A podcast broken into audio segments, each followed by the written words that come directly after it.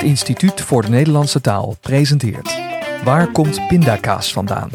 Twee keer per week een korte podcast met vragen over woorden. In deze aflevering Waar komt pindakaas vandaan? Pindakaas is eigenlijk best een raar woord.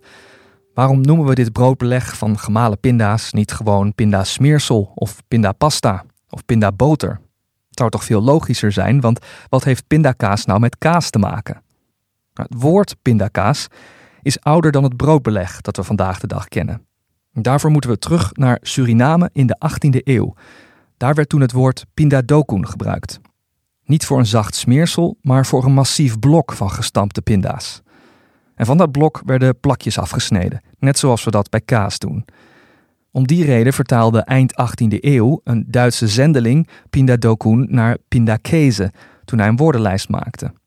Later werd dat weer terugvertaald naar het Surinaams-Nederlands en toen werd het pindakassi. En dat woord kwam vervolgens in het Nederlands terecht als pindakaas. Maar dan hebben we het dus alleen over het woord.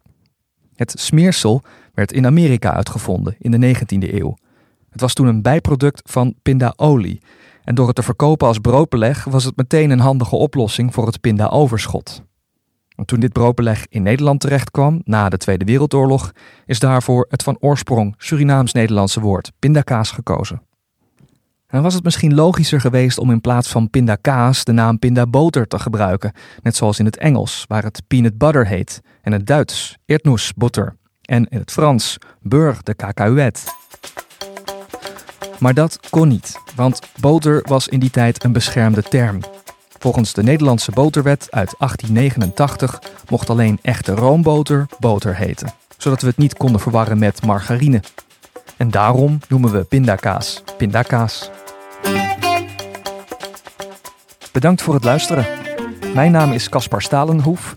Waar komt pindakaas vandaan is een podcast van het Instituut voor de Nederlandse Taal, gemaakt door Laura van Eerten en mijzelf. De muziek is van Michel van der Zanden.